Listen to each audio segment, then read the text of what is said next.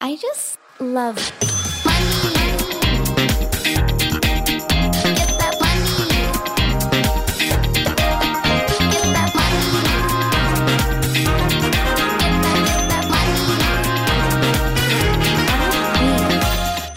Hjertelig velkommen til en ny episode av Karrierekvinner. Gjesten min i dag har gjort karriere av å hjelpe andre med å få mest mulig ut av pengene sine. Hun har vært her tidligere, men hun er en etterspurt gjest, så jeg har invitert henne tilbake, og hun har heldigvis sagt ja.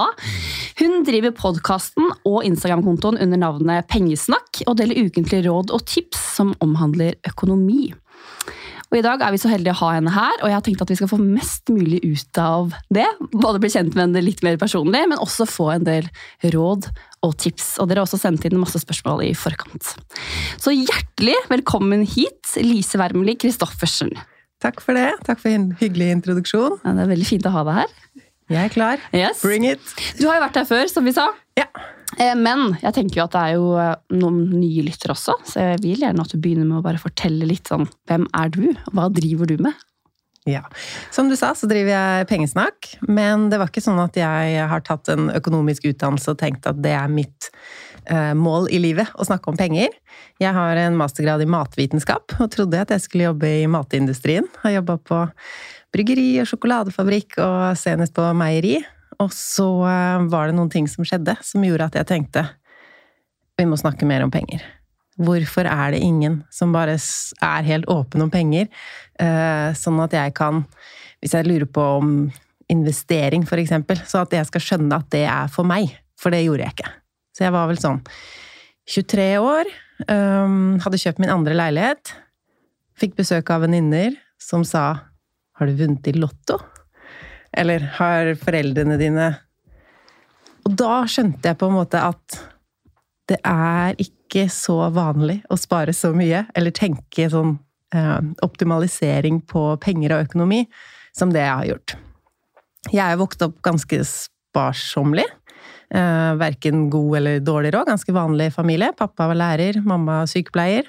Eh, og de var skilt, og jeg har tre brødre, så det var ikke sånn eh, rikdom. Men vi var jo heller ikke fattige på noen måte. Men jeg lærte en del ting om hva som lønte seg, da. På bare en positiv måte. Jeg har ingen sånne negative barndomsminner om penger, som jeg tror kanskje mange har. Men det var sånn, jo, vi baker vårt eget brød fordi det blir billigere enn å kjøpe på butikken. Hvis vi skal på sydenferie, så begynner vi å spare høsten før. Så da kan vi spare mange måneder, sånn at det ikke går utover alt. Bare sånne små ting som jeg tenkte, ja, det var smart. Ja, var de alltid åpne med, eller Snakka de høyt til deg om det? Ikke på en veldig gjennomtenkt måte, men ja. Mm. Eh, og litt sånn hvorfor vi gjorde ting, hvorfor reparerte vi klærne og arva det istedenfor å få nye, liksom. Ja, det var smart. Mm. da slipper vi å kjøpe nye. Ja. Eh, og en sånn kjempestort minne jeg har, er jo da mamma fortalte hva huset vårt kosta. For da skjønte jeg at hvis jeg noen gang skal få meg min egen bolig, så må jeg begynne å spare. Eh, for hun sa da ja, at huset kosta én million. Og jeg fikk jo sikkert 100 kroner i ukelønn på den tida, og tenkte 100 kroner pluss 100 kroner. Det tar ganske lang tid før det blir 1 million. Oh, yes. Eh, jeg vet ikke hvor gammel jeg var, men jeg var i hvert fall sånn at jeg ikke visste at man pleide å ha boliglån. Så jeg tenkte at her må jeg samle sammen en hel million, ellers så har jeg ikke noe sted å bo når jeg blir voksen. Eh, og jeg kunne jo sikkert blitt demotivert av det, men jeg var sånn nei, nå må jeg skaffe meg en jobb. Så hver gang det var en mulighet til å tjene penger på et eller annet, så var jeg på det, og eh, sparte. Så um, jeg alltid jobba mye. Som vennene mine dro på stranda om sommeren, så jobba jeg på kjølelager eller et eller annet. Uh, jobba i helgene og ved siden av skolen. Og syns alltid at det eh, ga meg ganske mye. At man får en type impuls fra venner, en type impuls fra idrett, fra skolen. Mens det med arbeidslivet var noe annet igjen, som jeg syntes var gøy. Og i tillegg da tjene penger. Begynne å spare. Se at noe vokser. Eh, Men tilbake til pengesnakk. Jeg, det var jo i 2015 at jeg tenkte nå må folk snakke mer om penger. For da hadde jeg nettopp funnet ut at huslånet mitt hadde ikke jeg spesielt god rente på. Og hvis du vet studielånet, der har jo alle samme rente. Mm. Sånn er det ikke med boliglånet. Det kan komme an på hvilken person du møter i banken, hvilken økonomi du hadde akkurat da. Um, så det er så mange faktorer der som også gjør at man kan ringe og spørre om å få lavere rente. Mm, og det er sånne ting som, Bare der er det for meg jeg, er, jeg, sa det til deg før du, eller når du kom hit, at jeg er jo veldig grønn, så jeg kommer sikkert til å stille mange spørsmål som jeg håper mange lurer på. Men sånn som det der er jo at jeg har jo hatt hus nå i eh, Jeg har eid hus i åtte år, vel. Eh, jeg har aldri ringt, tatt den telefonen. Ikke sant? Og det, det er så vanlig, og samme var det med meg, som jo da sant, har vært opptatt av penger hele veien. Selv jeg visste ikke det, og da tenkte jeg hva veit ikke de andre? Og hva mer fins det som jeg ikke veit? Så da starta jeg pengestakk.no, kjøpte domenet og bare første innlegget Vi må snakke om boliglånsrenta. Vi begynner der. Um, og så etter hvert så ble det jo mer med investering og andre smarte ting. Og så, siden jeg ikke er økonomiutdanna, så sier jeg jo ting på en mer en måte som jeg hadde villet at noen skulle fortalt meg det på, da, for å gjøre det liksom relatable. Så eh, nå er jo pengesnakk fulltidsjobben min. Driver podkasten, Instagram, har en YouTube-konto, er på TikTok. Så det er mye pengesnakk. Skriver bøker, holder foredrag. Ja. Du har jo tydeligvis alltid, for Et av spørsmålene mine var om har du alltid hatt en økonomisk teft. og igjen, Selv om du ikke har økonomiutdannet, så merker man jo at du har tidlig liksom lagt to og to sammen. Og liksom sett sammenhengene og skjønt eh, hvor altså du har liksom, Det har vært noe som har trigga deg da, med å kanskje å ha den tryggheten. Jeg syns alltid det har vært interessant. Og jeg, jeg gikk på barneskolen da jeg først lærte hva renter var. Da skulle vi åpne en sånn sparekonto, der var det 5% rente. Og når jeg bare Hæ? Kan man få penger for å spare penger? Det var liksom bare ok.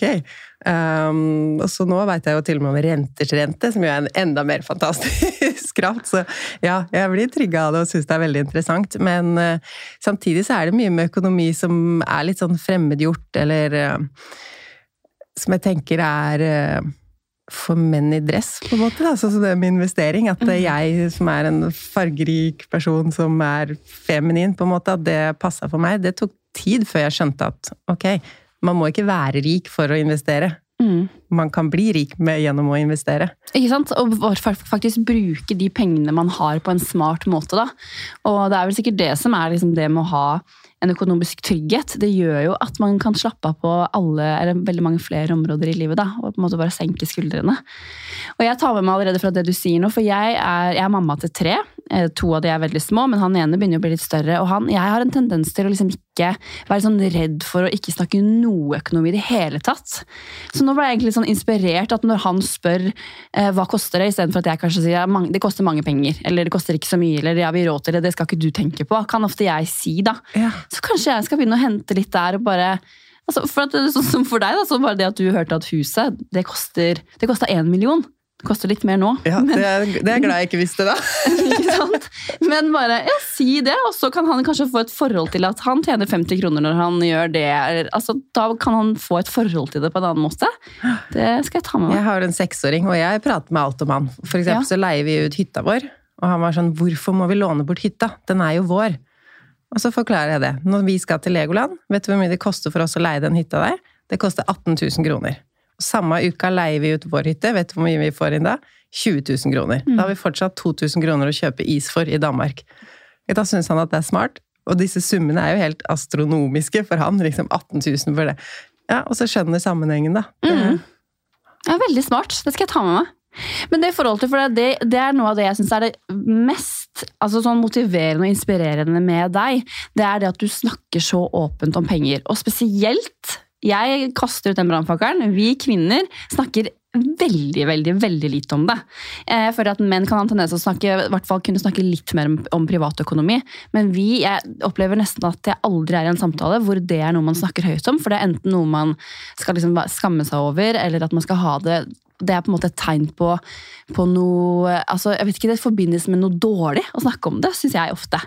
Men det er når du gjør det, så er det bare så befriende. Og jeg vet at flere skulle ønske at det var sånn, for man kan ikke noe om det.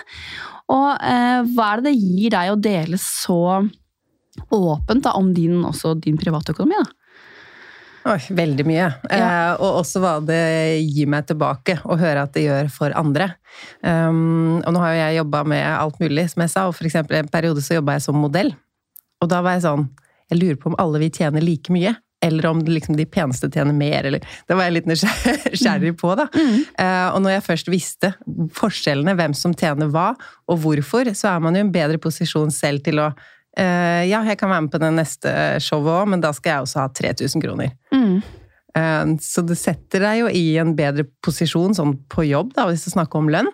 Eh, Og i vennegjengen, for eksempel, så er det lettere å lese rommet. At man ikke bare 'Skal vi dra en tur til eh, Palma, alle sammen? Skal vi dra på jentetur?'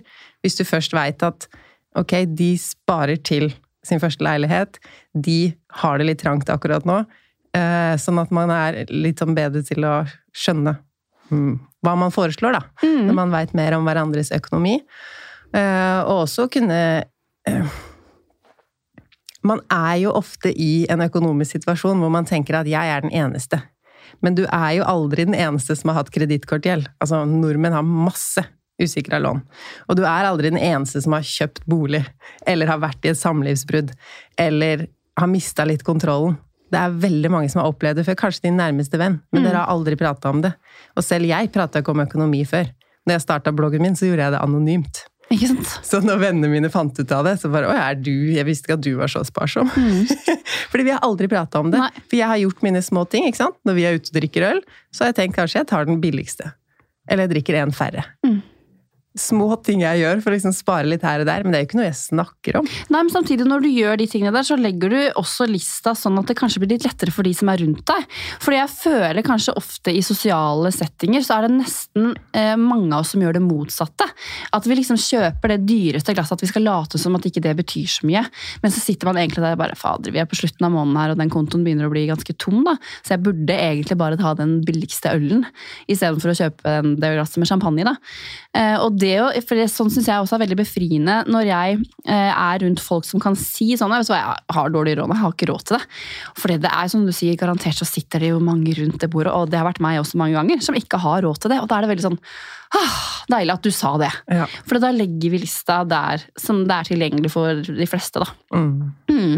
Og sånn tenker jeg med barnebursdager og alt òg. Jeg prøver å liksom legge lista lavt, sånn at ikke det blir en eh, vane at alle må ha liksom de største tingene og leie inn underholdning, og man kan jo bare uh, Ja, Det er jo ikke barn, Barna bryr seg jo stort sett ikke så mye om det. de vil det bare være oss- sammen og spise is, liksom. Det er jo oss voksne som, som bryr oss om det, for å si det sånn. Jeg husker faktisk akkurat apropos det du sa med når du, når du begynte i arbeidslivet, at du begynte å bli bevisst på det med hva andre rundt deg også hadde i lønn. Det er sånn en opplevelse jeg hadde, da tror jeg var en, det var en av mine første sånn faste, trygge jobber etter jeg var ferdig utdannet. Så satt jeg i et jobbintervju, og så var det tredjegangsintervju hvor det var liksom snakk om at nå um, Da skjønte jeg jo at det var en stor sannsynlighet for at jeg ville få tilbudt den jobben. Og da ble jeg spurt spørsmål, et spørsmål om hva forventer du i lønn? Så svarte jeg på det spørsmålet, fikk kont et kontrasvar på at det er det her vi gir. Så egentlig så var det et spørsmål som jeg egentlig ikke hadde. De, de brydde seg ikke om mitt svar. Eh, men jeg, da, jeg tok den jobben, fikk den lønna. Fikk da vite i ettertid at eh, flere av de jeg satt og jobba med, som hadde akkurat samme bakgrunn som meg, ikke hadde noe lengre arbeidstid, si, hva heter bakgrunn, tjente 200 000 mer enn meg. Tre menn som satt der. det er sånn Og da, hva er dine tips da? Til hvis du, det er noen som hører på det, som sitter i en sånn situasjon, og du vet at eh, Si at vi tar et eh, scenario, da. Si at du sitter i det, scenarioet som jeg satt i da, hvor du vet at det ikke er noe Altså, det er, det er likt, det er ikke noe mer fagkunnskap eller noe lenger fartstid i bransjen. Eh, hvordan skal du kunne gå til sjefen da, og ta den samtalen og si hvorfor du skal få mer lønn? Nå er jeg ikke noe arbeidslivekspert, men jeg har stått i samme situasjon selv. Mm. Jeg elska jobben min, var fornøyd med den, så jeg angra jo på at jeg begynte å sjekke rundt hva de andre tjente. Mm. Fordi da fant jeg ut at det lå ikke så bra an. Eh, Så jeg la en plan da, for å ta eh, prat om eh, høyere lønn, og skal ta den lønnssamtalen. Um, Og da kom sjefen min meg litt i forkjøpet. Eh, mens jeg hadde jo sett for meg en lønn jeg ville ha, som var liksom, eh, gjennomsnittlig da, med de jeg hadde prata med. Og så det forslaget var jo ikke så mye høyere enn det jeg hadde. Men så havna jeg jo da i en situasjon hvor jeg måtte bare Oi, takk! Foreslår du å sette meg opp i lønn? Kjempebra! Eh, og da hadde jeg en sånn konvolutt i hånda. Jeg hadde jo ikke sett oppi, ikke sant? at det var jo ikke så mye mer. Nei. Så måtte jeg prøve en runde til. Eh, og det førte jo ikke fram. Jeg fikk jo ikke så mye høyere lønn. Og da begynte jeg å bli misfornøyd med en jobb jeg egentlig var fornøyd med. Bare av denne pengesaken. At jeg ikke følte at skal jeg jobbe like hardt eller hardere, og så får de mer penger med seg hjem. Det er jo demotiverende. Det er demotiverende, og det er så rart, for det var en jobb jeg egentlig trivdes så godt med. Eh, så for meg så ble jo det egentlig bare en del av en større greie, for da hadde jo jeg jo begynt med pengesnakk. Jeg hadde bloggen, jeg hadde begynt podkasten, hadde blitt spurt kan du gi ut en bok. Og da tenkte jeg hvis jeg skal skrive en bok, så må jeg ha litt bedre tid. Og så begynte jeg å holde foredrag, som jo var det første jeg tjente ordentlig penger på, med pengesnakk. Tenkte hvis jeg kan holde noen foredrag i måneden, så begynner jo det å ligne på den lønna jeg har her. Eh, Så da tok jeg valget og sa opp. Ja. Og da sa de på jobben du kunne jo sagt fra da at det var lønna. Tenkte jeg, det prøvde jeg. Det prøvde du, ja. Ikke sant? Men det var når de så at du var eh, såpass attraktiv et annet sted. Ja, det er jo flere. Det er en venninne av meg også som ikke for så lenge siden hadde prøvd det samme som deg. Fått liksom nei, ikke, de hadde ikke noe å gå på nå. Fikk et annet jobbtilbud. Gikk inn og sa jeg tar det jobbtilbudet her, men jeg ønsker egentlig å være hos dere. 150 000 opp på den tominutterspraten. Ja, Så hun blei da Hun blei ikke. Hun gikk, men det var bare for at hun kjente at det var ikke noe å fortsette å stå i, for hun følte at det var så respektløst. da, når hun hadde liksom, Men sånn er jo arbeidsmarkedet. Men hun Ja. kjente at nei, vet du hva, jeg har ikke noe mer å gi. Men det var bare som hun sa, bare en sånn bekreftelse på at hvis du på en måte kanskje slår hardt nok i bordet, og du vet verdien din, da, så skal man kanskje bare tørre. Og for min del så har det vært det mange ganger at jeg bare ikke har turt. Fordi jeg syns det er vanskelig å sette en verdi på min egen arbeidskraft i forhold til hva den er verdt for eh, arbeidsgiveren min. da. Og så er det jo vanskelig når man ikke vet hva ikke sant, tilsvarende i samme bransje, hva tjener de andre, men jo mer man vet, jo tryggere kan man jo stå i den eh, Mm. situasjonen, da. Men hvordan turte du da, og altså, satt du da opp et liksom, skikkelig regnestykke da, på hvordan skal jeg overleve som selvstendig næringsdrivende? Hva er det som gjorde at du turte å hoppe i det? Eh, Det var en kombinasjon av ting. Um, Jeg hadde da vært i dialog med et firma som eh, eh, ville gjøre noe større ut av en idé jeg hadde hatt. Og så spurte jeg noen jeg kjenner som kjenner noen som jobber med sånne ting. Hva, hva koster det, liksom? For dette er jo bare en idé. Jeg skjønner ikke hvordan jeg skal prise en idé, for jeg er jo vant med å prise timer, eller ikke sant? Sånn. Eh, og så sa de nei, her, ja, mellom 100 og 150 000. Og da tenkte jeg, hvis jeg klarer å sitte hjemme på kvelden og komme på en idé som er verdt over 100 000 kroner, eh, det er jo tre månedslønner det, for meg på jobben, eller i hvert fall over to. Um, så tenk hvor mange ideer jeg kan komme på da, hvis jeg ikke er på jobb hver dag. så det var én ting. Uh, og så handla det for meg om diversifisering. Og det er jo et ord man gjerne bruker når det er snakk om investering. At du ikke tar alt på sparekonto, men du har litt i fond, litt i aksjer, litt forskjellig. Uh, men um, også når det er snakk om inntektskilder. Fordi jeg har jo podkasten min, der har jeg sponsorer som jeg tjener. Eh, ikke nok til at det er en fulltidsjobb, men det er én inntektskilde. Og så skriver jeg bøker, eller gir ut en sånn planlegger hvert år. Og det er heller ikke en årslønn, men en inntektskilde til. Og så har jeg jo litt fra Instagram og YouTube. Foredragene, det var jo det som var det første jeg tjente på. Og hadde jeg ikke hatt alle disse andre beina, så ville jo hele bedriften min dette sammen i mars 2020. Fordi da ble jo alt av foredrag avlyst. Ja. Og når koronaen hadde kommet litt lenger, og det var foredrag igjen, nei, ny nedstenging, så ingen turte jo å ha live foredrag. Så det var nesten to år. Eh, der fikk jeg også en ny baby, men det var nesten to år uten foredrag. Som jo var det jeg tjente mest på første året, og det er vel nesten det jeg tjener mest på i år igjen. Men bare å ha så mange ulike bein å stå på, selv om alt handla jo om pengesnakk. Men at det var Ja, det har vært en stor trygghet for meg. Og det gjorde at jeg turte. Mm. Fordi det hadde du da før du sa opp? Da hadde du begynt å ha de flere beina å stå på? Eh, Da hadde jeg begynt podkasten. Jeg hadde noen annonsører på bloggen. Mm. Jeg blogger fortsatt, men det, da var det en mer stor greie. Mm. Um, og jeg hadde jo skrevet bokkontrakt, så jeg visste at det kom en bok. Um, ja, så jeg hadde flere ting, og tenkte at jeg, når jeg sier opp jobben og får bedre tid, så kan jeg jo bare lage enda flere ting. Mm. Og så var det litt sånn Hva er det verste som kan skje? At jeg må søke meg en jobb igjen. Det er det jeg prøver å si til meg selv. Annenhver dag når jeg kjenner at det, panikken tar meg, og så, «Åh, hvordan skal dette gå, så tenker jeg at det verste som kan skje, er at jeg må ta meg en fast jobb. Og det tror jeg er viktig. Men for det, det, siden vi er inne på det nå, for det var faktisk en av de spørsmålene som kom mest når jeg la ut på Instagram, om det var noen som hadde noen spørsmål til deg, Ja. det er det med eh, Nå husker jeg ikke hva du kaller det, men in andre inntektsstrømmer. Biinntekter eller passive inntekter, f.eks. Hva er dine beste tips til den vanlige kvinnen eller mannen i gata som vil vil lage seg da, noen andre inntektsstrømmer. Har du noen konkrete tips eller råd der? Det var bra du sa det med passiv inntekt, for passiv inntekt tror jeg ikke sånn veldig på. Nei. eh, fordi det ligger arbeid bak alt. Mm. Um, så en type passiv inntekt er jo boka mi, eksempel. Men en eller annen gang så skrev jeg jo den, så det var jo arbeid der. Eh, men nå, hver gang noen kjøper boka mi, så tjener jeg 13 kroner, tror jeg det er. Det Ikke sant? ikke veldig mye, men den er, den er jo ganske passiv, da. Men jobben er gjort i forkant, så jeg skjønner hva du mener. Det er et viktig poeng. Ja. Mm. Um, og sånn er det jo med flere ting. at man, Hvis man har musikk eller noen bilderettigheter, sånn royalties på det, eller i YouTube, som jo absolutt ikke føles passivt når man lager videoer, men så ser man jo at det er en gammel video som fortsatt gir meg 300 kroner i måneden. Uh, så det er jo én ting. Men hvis man ikke er en som skaper innhold eller musikk eller bilder, uh, så er jo utleie en ting man kan tjene mye på. Uh, og alt fra små ting til store ting. Jeg eh, leier ut hytta vår på Airbnb, så det er min største inntektskilde utenfor firmaet. Mm. Der har jeg tenkt at eh, jeg vil at den hytta skal gå i null. Så alt jeg bruker av utgifter, må jeg tjene inn på utleie. Um, leie ut hjemme, altså enten hele hjemmet når man er på ferie.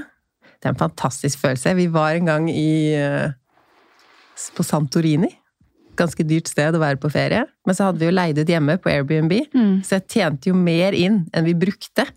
Og var sånn, nå må vi finne et dyrere sted å spise bil. Da nyter man ferien. For ofte så kan man dra på ferie og ha en liten sånn derre uh, Når man kommer hjem og ser at ting bare har For det koster jo nesten alltid mer enn det man planlegger. Da, den, da smaker den ferien ekstra godt. Mm. Bortsett fra når man kommer hjem da, og vil bare sette fra seg bagen og legge seg i senga. Så bare, å ja, her må jeg vaske bytte. Ja. Som man jo også kan få noen andre til å gjøre, da. Mm. Men eh, ja. Um, og så er jo jeg, jeg er glad i å rydde opp og selge unna ting. Mm. Og da får jeg ofte sånn, ja, men du har ikke tjent penger hvis du selger den barnevogna dere ikke bruker lenger videre. Så tenker jeg, hva er alternativet da? At jeg gir den til noen, eller kaster den? Så jeg føler jo absolutt at jeg har tjent penger. Mm. Um, så det er jo en utfordring jeg har hatt i mange år, uh, å selge 100 ting. 100 ting. Jeg har sett at du har hatt det. At det har liksom vært en, en utfordring. Mm. Det begynte jo med meg selv og mannen min, fordi vi hadde jo mye stæsj vi ikke trengte, men ikke sånne store ting. For jeg tror alle sånn Er du lei av sofaen din eller skal flytte eller et eller annet, du selger sofaen din på Finn, eller hvis du har et kunstverk eller noe litt sånn stort. Sykkel. Eh, Men alle disse småtingene, at det blir noe ut av det. Og det blir det jo, hvis du selger 100 ting. Ja, absolutt. Så bare mose ut annonser og få rydda opp, få litt penger inn. Um, og det er jo også en utfordring som gir en del tilleggseffekter, som jeg ikke hadde regna med, men som jeg hører fra Nå er det jo mange tusen som har tatt den utfordringen med meg, og de sier at uh, når jeg skjønner hvor lite jeg får for tingene mine, så tenker jeg meg ekstra nøye om før jeg kjøper nytt. Mhm. og man blir mer oppmerksom på eh, bruktmarkedet, da. Når man ser alt mulig man kan selge, så skjønner man jo også hvor mye man kan få tak i. Mm. Så da skal alle ungdommene ha eh, kostymer til halloween. Vi sjekker på Finn. Alt barna trenger, alt jeg trenger, alt vi trenger til huset. Vi sjekker jo alt i bruktmarkedet først, og sparer jo masse penger på det òg. Mm.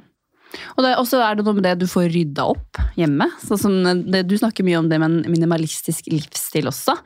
Men føler du at det å ha mindre ting gir deg Eller hva gir det deg å ha mindre ting?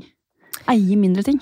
Ja, det gir meg mindre stress. Mm. Jeg er en person som blir fort stressa. Mm. Så det er derfor jeg liker å ha kontroll på økonomien. Så vet jeg i hvert fall at det er en trygghet der. Eh, Men skal jeg starte dagen, og det første jeg ser er liksom rot, klesskapet er bare rot Eh, Det er en dårlig start på dagen, da. Å komme ned på kjøkkenet, og så er, står det ting overalt. Jeg må begynne å liksom sette på oppvaskmaskinen da. Eh, Så å ha få ting gjør jo at alt går raskere. Skal jeg ta ut av oppvaskmaskinen, så må jeg aldri sånn løfte opp noen asjetter for å presse de andre under. Eller det er liksom, Der er plassen der, der er plassen der. Um, og for oss som har barn hjemme, så tror jeg de trives mye bedre òg når det er ryddig og oversiktlig. At de også blir stressa av det visuelle. Mm. For det blir i hvert fall vi voksne. Eller jeg tror Jeg kjenner sikkert er meg forskjellige der, men- veldig igjen i det. Mm. Mm. Um, så ja, jeg ser bare fordeler med å redusere ting. Det er jo en veldig sånn befriende følelse, og en følelse av å ha litt mer kontroll, da. Det kjenner jeg meg fall veldig veldig igjen i. Men sånn, jeg bare pøser på videre, for jeg må makse når du er her nå. her. Så nå får du, får, får du kjørt det her. Men Oi sann, unnskyld. Men sånn i forhold til, Vi kan ta utgangspunkt i meg selv, for nå skal jeg også tørre å være liksom, dele litt av meg selv også. Jeg er jo 32 år, har tre barn. har liksom Den siste tiden jeg har vært i fast, jeg har hatt fast jobb lenge, men har jo nå satt satsa for meg selv. Yay! Og Det, jeg elsker den frihetsfølelsen, men økonomi er den store bekymringen.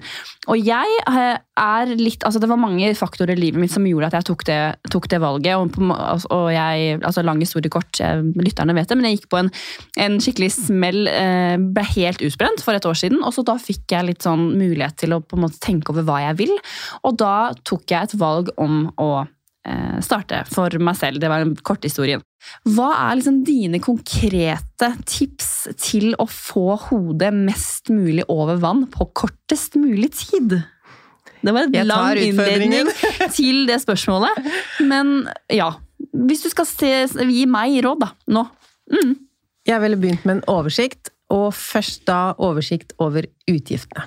Barnehagen den har du ikke tenkt å velge bort, så den er der. Mm. Eh, huslånet ditt, ja, rentene har gått opp, men nå er det jo et beløp, og nå kommer det kanskje til å gå litt jevnere framover. Eh, hvor mye bruker dere på mat? Veit du hvor mye dere brukte på mat i november? Eh, nei.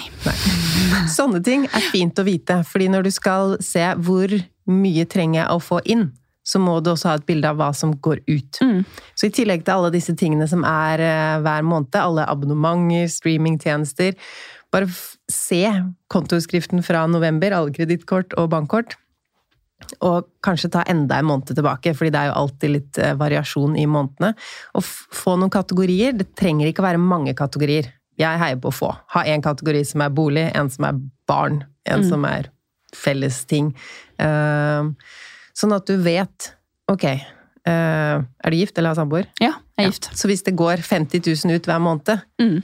og dere skal dele ting likt, sånn mange gjør det, Mm. så er det jo 25 000 kroner du må ha bare til de vanlige tingene. Mm. Som et minimum.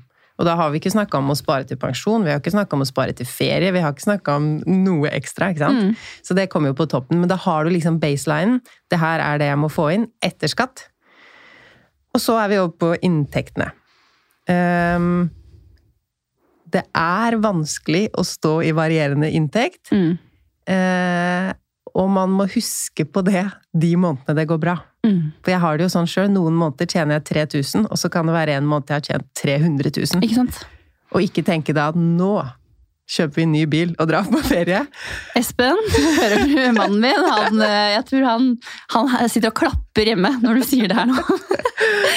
Fordi det er jo gøy å få inn penger, og man Det er tenker nå er det nå. Mm. Eh, og så er det jo moms som du må sette av, og så er det skatt som du må sette av. Og er du selvstendig næringsdrivende, så må du jo ordne med din egen pensjon. Mm. Du vil ha kanskje flere forsikringer, eh, og du har utgifter i firmaet ditt òg. Så selv om den innbetalingen på, la oss ta den 300 000 kroners måneden som eksempel, det er jo ikke det du sitter igjen med. Det er firmaet ditt sine penger.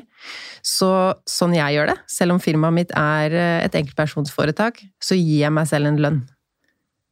Jeg har et fast utbetaling til meg selv, som er det jeg trenger, pluss litt ekstra. Mm. Sånn at jeg ikke trenger å tenke hele tida oi, dårlig måned, god måned, dårlig Jeg må jo så klart passe på at jeg har nok til det, at den eh, summen kan fortsette å rulle og gå.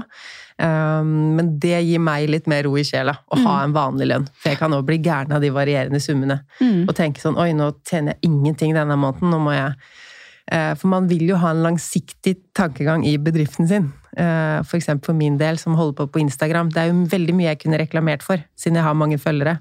Som ikke passer med min merkevare. ikke sant? Jeg driver ikke og trener, så at jeg skal snakke om treningstights hadde blitt for dumt. Jeg snakker om sant, å spare penger, så hele sånn skulle pushe forskjellige drikker, og det, det blir bare dumt. Mm, du må være Eh. i tråd med din merkevare på langs, eller for å beholde troverdigheten også til de som Ja, men hvis Ja. man ser på kontoen at nå er det 1600 kroner igjen, og så får man eh, forespørsel, vil du ha 25 000 for å reklamere for dette, så kunne man gjort det da, Mm. hvis jeg ikke hadde hatt den. eh, Ja, frist, jeg kjenner på den fristelsen, og jeg har også gått på den smellen én gang og lært, men lært masse av det. Men jeg kjenner meg veldig igjen i det der, for at da ja, og klarer å da stå i det. Hvis man da sikkert har vært smart, sånn som du snakker om, og da å ha satt av de pengene, for da vet du at de er der. at det er noen penger til flere måneder. Ja. Mm. Ja, det var gode råd. For det, det er liksom det. For at vi, jeg opp, eller vi har satt opp et budsjett, eh, og så er det det da å holde seg til det budsjettet. Ikke sant? Eh, for jeg skal ikke snakke meg selv helt ned heller. Jeg har jo selvfølgelig, altså jeg er grønn, men jeg har jo selvfølgelig ikke bare hoppa ut i det her med når jeg har familie og ting å betale på, men, men jeg har veldig mye å gå på i forhold til det å holde motivasjonen til å spare. Fordi jeg føler at det er en del av hjernen min som bare skjøtter ned hvis jeg bare Når jeg ser noe jeg har så lyst på det, eller jeg tenker liksom at åh, jeg må ha det her, eller jeg, jeg, ja, ja, om jeg bare kjøper den uh, smoothie bowlen her, så er altså, det, er jo bare, det er jo bare 70 kroner, eller det er jo bare 120 kroner som det koster nå. Men så vet jeg jo at i det store løpet så er det jo de tingene der som faktisk kan vippe lasset. Men hva er det Ja. som gjør at du klarer å holde motivasjonen til å spare, og ikke kjøpe den smoothiebollen, da? To ting. Ja. Eh, Du sa det er en del av hjernen min, og det er faktisk sant. Ja, ikke sant? Hjernen vår er ikke laga for å tenke langsiktig. Hjernen vår er ikke endra siden steinalderen. Så hjernen din tenker på hvordan kan jeg få noe å spise? Hvordan kan jeg få umiddelbar tilfredsstillelse? Så eksempel å tenke på pensjon og langsiktig sparing, det er ikke naturlig for oss. Så da må vi lure hjernen vår litt. Vi må greie å se for oss oss selv som gamle, eller i hvert fall eldre, og tenke hvordan vil jeg at bankkontoen min skal se ut? Hvordan vil jeg at huset mitt skal se ut?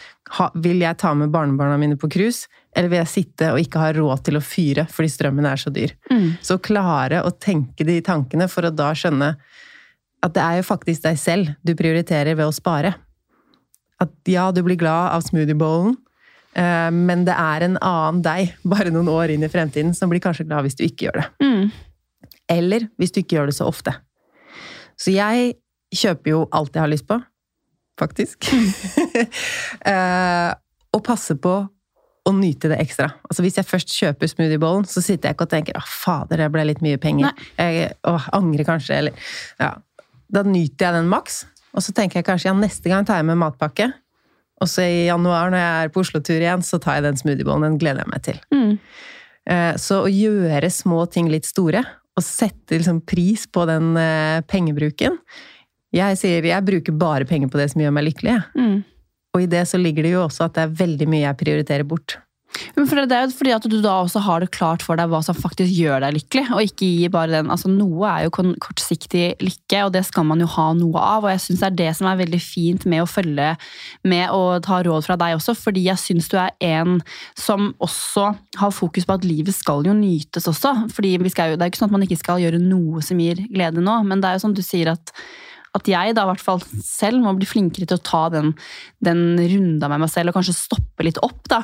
Jeg for eksempel trenger jo ikke et eneste plagg til. Ja, jeg er heldig å gjøre noen samarbeid innimellom som gjør at det er en del av det, men jeg trenger jo ikke noe mer. Men fortsatt så er det den der når, når man har en interesse for det, og du føler at det gir deg den der materialistiske, kortsiktige lykken, så vil jeg jo bare ha mer av det, ikke sant? Uh, ja. Så en ting man kan gjøre, som jeg er glad i, er jo å lage litt utfordringer for seg selv. Mm. For eksempel, nå skal jeg ikke kjøpe noen klær for resten av året. Nå er vi jo i desember, så den Den var lett. Den var lett! ikke si det, kommer julebord og ja. Ja, jeg julesalg og romjul. Ja. Um, eller liksom hva som er greia, hvis det er uh, sminke og sånn, da. Og tenke sånn, nå er det ikke lov før at ting er tomt. Um, forskjellige utfordringer man kan ha, eller bare sånn som da jeg slutta å kjøpe klær, da. Så var jo det på en måte en vaneendring, men det var mye enklere enn jeg trodde. Fordi når jeg bare veit at jeg ikke kjøper klær, ja, da går jeg ikke innom Sara. Jeg går ikke innom noen butikker. Det er ikke noe vits for meg å være på nettside eller sjekke ut et salg, fordi jeg veit jeg ikke skal ha noe. Så man har jo vaner, og så tenker man at det er veldig vanskelig å venne seg av med det, men det er ikke sikkert. Så noen ting kan man jo prøve i perioder òg. Mm, jeg ga meg selv Nå avbryter jeg litt, men det var bare sånn som, for å gi et eksempel på at en som er i et dårlig tilfelle, kan også klare det. Men nå under Black Week Ja. så ga jeg meg selv et, eh, en sånn Jeg skulle ikke gå inn og se på noen altså klær, klær, sminke inn. Og jeg kjøpte, jeg, kjøpte, jeg kjøpte julegaver, det var planlagt i forkant.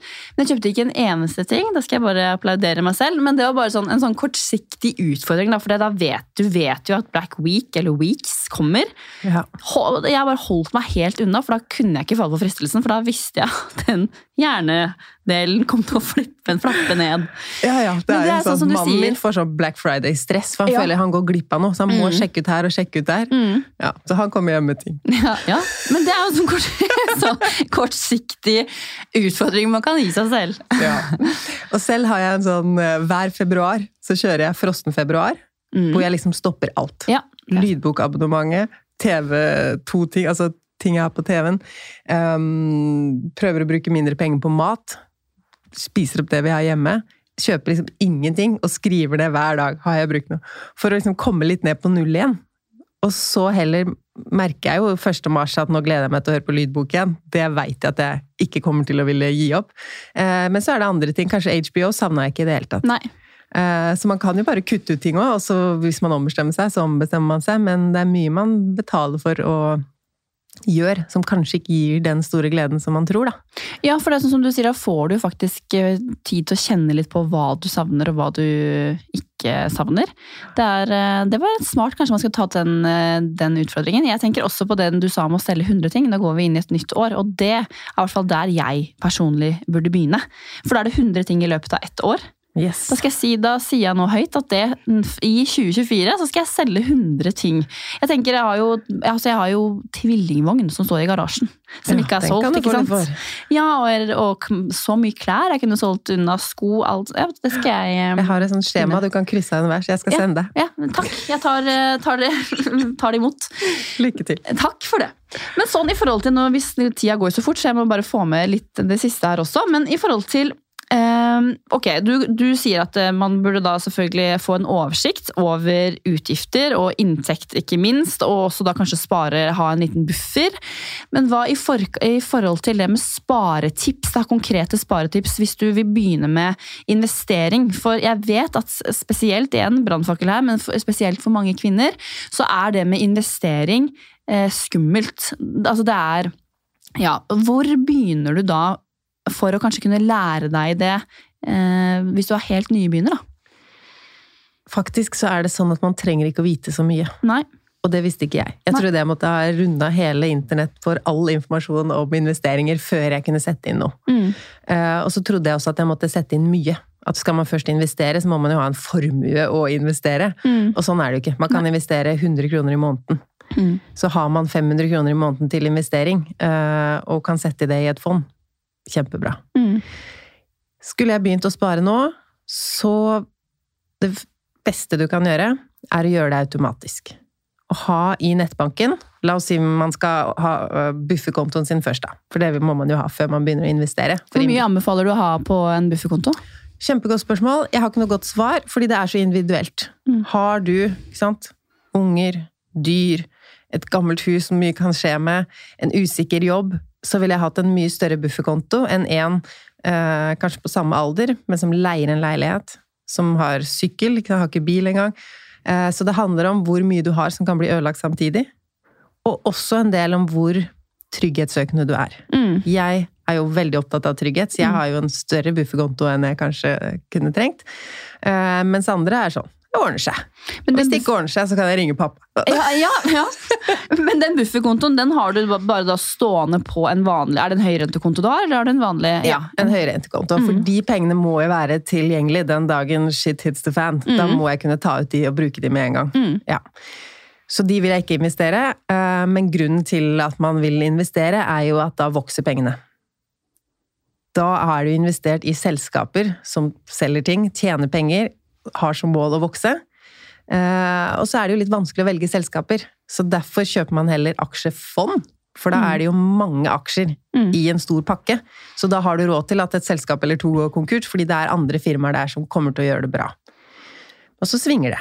For det handler ikke bare om selskapene i seg selv, men også verdensmarkedet. Husker når Donald Trump var president? Han kunne skrive noe på Twitter, og så plutselig raste hele aksjekursene, eller gikk opp igjen. Og sånn Det svinger så sjukt. Eh, Så fra dag til dag så ser det jo helt vilt ut å skulle sette pengene sine. Du har tjent pengene, du har spart pengene dine, og så skal du investere dem. Jeg skjønner at det virker kjempeskummelt. Men hvis man zoomer litt ut, så ser man at disse grafene som ser ut til å bare gå opp og ned helt vilkårlig, de svinger oppover på sikt. Så hvis du ser over tiår, så har det gått masse, masse oppover. Og det er jo det vi vil. Pengene våre skal bli mer verdt i aksjemarkedet. Og, og bare skjønne det at man må ikke skjønne alt for å investere 300 kroner i måneden i et globalt indeksfond, eksempel, som er billig, og da investerer du i hele verden, de største selskapene. Og tørre det, Mm. og så se hvordan føles det. Mm. Nå er du en investor. Det var ikke verre enn det. Nei. Jeg begynte med det for noen år siden. Jeg har en, Ironisk nok har jeg en mamma som er økonom, så, men jeg, eh, altså, jeg har ikke hatt den uh, innstillinga som du har til penger. Men jeg, er i hvert fall, jeg begynte med det for noen år siden, og det ser jeg jo det, bare det at jeg vet, for jeg glemmer noen ganger de pengene. Ja. Jeg er ikke sånn som sjekker det så ofte, men da, og det er ikke mange penger jeg sparer. Jeg sparer 500 kroner i måneden faktisk på det. Eh, Men det vi også har gjort, er i forhold til barna mine. Fordi jeg, når jeg fikk barn, så tenkte jeg jeg vil i hvert fall Det er faktisk en av de tingene der jeg klarer å holde motivasjonen. For jeg har lyst til å gi de Ikke sy puter under armene på de, men vi vet jo ikke hva som kommer til å skje med økonomien framover, så jeg vil gi de en trygg, en fin start, da, i hvert fall til. Så der, men da setter vi inn 200 kroner bare til hver av barna i måneden. Men nå når jeg, vi sjekka det her om dagen, bare hvor, altså, hvor mye de pengene vokser. Det gjør jo bare sånn ok. Ja. Og det er jo to krefter samtidig. Ja. ikke sant? Du putter inn fast, så det blir jo mer og Mm. mer, og så vokser de pengene. Og jo Mm. større den pengebingen blir, jo mer vokser den. Mm. Ikke sant? For når du hører at å, i dag gikk børsen opp 10% så er jo 10% av 500 000 mye mer enn 10% av 40 000. Mm. Så jo mer du har, jo mer vokser det når det vokser òg. Mm. Så det er ganske motiverende. Eh, men å ha en fast sparing, om det første er til sparekonto, og sommerferie og sånn, og så videre til investering, og bare spare på lønningsdag. For Mm. da trenger man ikke å gå hele måneden og tenke å, jeg burde blitt flinkere til å spare, og jeg burde spart, kanskje jeg må spare litt, og så se om det blir noe igjen da, før Mm. neste lønn. Nei, gjør den sparinga helt på starten. Du får inn lønn, betaler kanskje husleia, sparer, Mm. litt til buffer, litt til ferie og litt til fond, og så er du ferdig med sparing. Så kan du bruke pengene som du vil resten av måneden. Ja, og det som er når man setter inn i fond også, merker jeg i hvert fall selv, For jeg kan jo fort være en som setter av litt for mye på sparekontoen, og så kryper de pengene tilbake igjen. Men når, man, når jeg setter inn på fond, de, de tar jeg ikke tilbake, for det er en mye større prosess for å hente de tilbake, og da er jo også vurderinga gjort at hva jeg setter av hver måned er litt mer gjennomtenkt. Da. Ja. Så det er kanskje også et eh, tips. Og hvis det er mange som er sånn som tar ut fra sparekontoen, og da er det noen tips. For noen bank, eh, nettbanker kan du endre navnet på kontoen. Mm. Og hvis det er sånn jentetur til Palma, så er det litt vanskelig å ta de ut, kanskje, når du ser det er noe helt spesifikt. Eller Ja. drømmeboligen. Mm. Um, eller man kan ha sparekontoen i en helt annen bank, sånn at du ikke ser det tallet når du logger inn i din vanlige nettbank, fordi sparekontoen er i en annen bank. Det var et veldig veldig godt tips. Det, det, har ikke, det har jeg ikke tenkt på i det hele tatt. Det var et kjempegodt tips. da kan du kanskje tips. få litt bedre rente òg. Ja, ikke sant? Å flytte til en høyrentekonto i en annen bank som du kanskje da ikke sjekker eh, ja, like ofte. Hvor mye ville du anbefalt eh, til en som er 32 år som meg, da, å sette av i, hvis man har mulighet til å spare i pensjon da, hver måned? Godt spørsmål. Umulig å svare på, fordi jeg vet ikke hva slags liv du vil leve som pensjonist. Best mulig. Best Neida, mulig, men, det er eh, det best mulig. men Fordi igjen, ja. fordelen med å spare når man er ung, er jo at da har du flere måneder å spare på. Mm. Skulle du begynt å spare til pensjon når du er 50, og har lyst til å gå av med pensjon når du er 60, da har du ti år å spare. Så må du spare sykt mye hver måned. Eh, Skal du fordele det over 30-40 år, den pensjonssparinga, så kan du spare bitte litt hver måned, og så blir det fortsatt en like stor sum. Mm. I tillegg så har du jo kraften av aksjemarkedet, fordi pensjonssparing skjer i, eh, i aksjefond. Så da vokser de jo mye mer, fordi du har alle disse åra. På ti år så veit vi jo ikke hvor mye det vokser. Kan jo være et par finanskriser inni der, kan jo Mm. ende på akkurat samme summen. Eh, Men over da 30 år så vil det vokse. I hvert fall ser vi historisk at aksjemarkedet har gått så masse oppover. Så det er fordelen med å spare til pensjon allerede når man er ung. Det som er vanskelig med det, er jo at du vil jo også eh, leve her og nå. Så du sier du vil reise på ferie mens barna dine er små. Du vil, mange skal kjøpe bolig og lurer på hva skal jeg prioritere her, pensjonssparing eller bolig. Og da ville jeg sagt bolig. Mm. Uh, ja. Ja, og det er jo en verdi i det også, da, som du kjøper der. Og så er det jo sånn som du sier, noen penger, for det er jo mange unge som sitter og hører på den podkasten her også. Jeg tenker jo for min del, som, som er et eksempel på en som jeg har sagt tusen ganger ikke er perfekt i det hele tatt med økonomi, men det er jo mange penger jeg har brukt som jeg tenker jo at åh, jeg ville aldri vært foruten den reisa når jeg var ung og helt uten noen andre forpliktelser. Men samtidig så er det også veldig mange penger som jeg skulle ønske at jeg hadde vært litt smartere med tidligere. Så det er noe med det å finne den balansen som du sier, da. Så vil man jo gjerne at jeg vil jo gjerne at du skal komme her og bare gi meg alle svarene, men det er jo det som du sier. At jeg må jo, og de som lytter, må jo gjøre jobben selv. Du må finne ut av hva er viktig for deg, eh, og hva har du mulighet til å gjøre, da. Og det begynner jo kanskje med å ikke være redd for penger. Mm. Og tenke heller hva kan pengene gjøre for meg? At det er jo ikke noe sånn poeng i seg selv å ha en god økonomi. Det er jo hvorfor vil du ha en god økonomi? Um, og Som- begynne litt å Ikke begynn med det som du syns er ekkelt og vanskelig. Da. Hvis du syns at penger er litt sånn uh, tema, så ikke begynn med forsikringsavtalen, samboerkontrakt, testamentet. Det blir for mye. Begynn heller med ja, la meg sette opp en matbudsjett for januar, da. Og se om jeg kan holde meg for den summen jeg tror. Ok. Og så kanskje ha litt shopstopp på klær. Gjør noen sånne ting som man kanskje utafra tenker ja, men det er ikke økonomi å drive med klær og mat og sånn. Jo, for det er i hverdagen du tar veldig mange økonomiske avgjørelser, og de små beløpene ja, det er bare det og bare det og bare det, men det er jo det som er alt. Det er jo det som er pengene du har, pengene du kunne ha spart. Så hvis du har råd til en uplanlagt smoothie bowl og Netflix og HBO, så har du også råd til å spare 200 kroner i måneden til pensjon. Det er det man akkurat har det, og så er det det som jeg synes er lett å kjenne på, at jeg blir sånn, jeg sånn overvelda. At jeg tenker at det er nesten sånn at jeg får en sånn terskel for i det hele tatt begynne å se på det.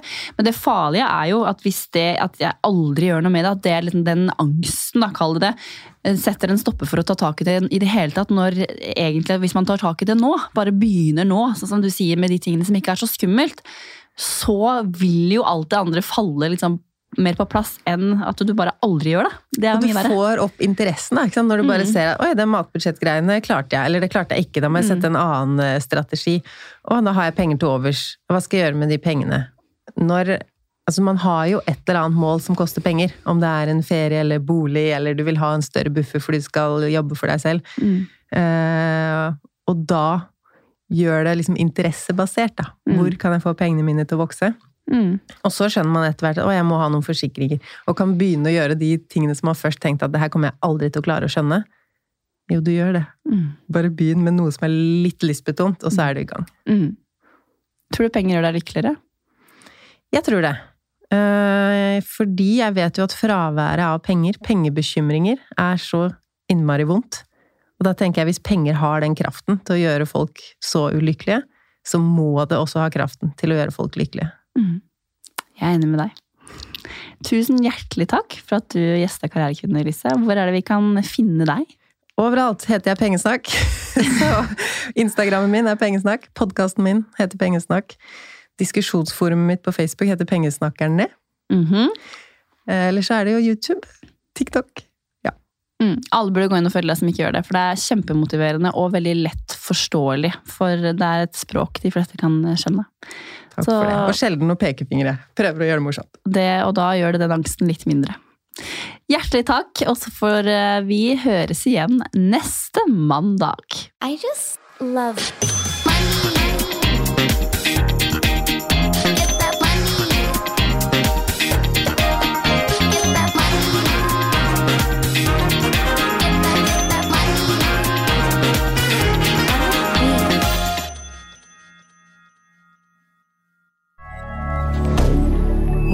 media. Har du et enkeltpersonforetak eller en liten bedrift? Da er du sikkert lei av å høre meg snakke om hvor enkelt det er med kvitteringer og bilag i fiken, så vi eh, gir oss her, vi. Fordi vi liker enkelt. Fiken superenkelt regnskap.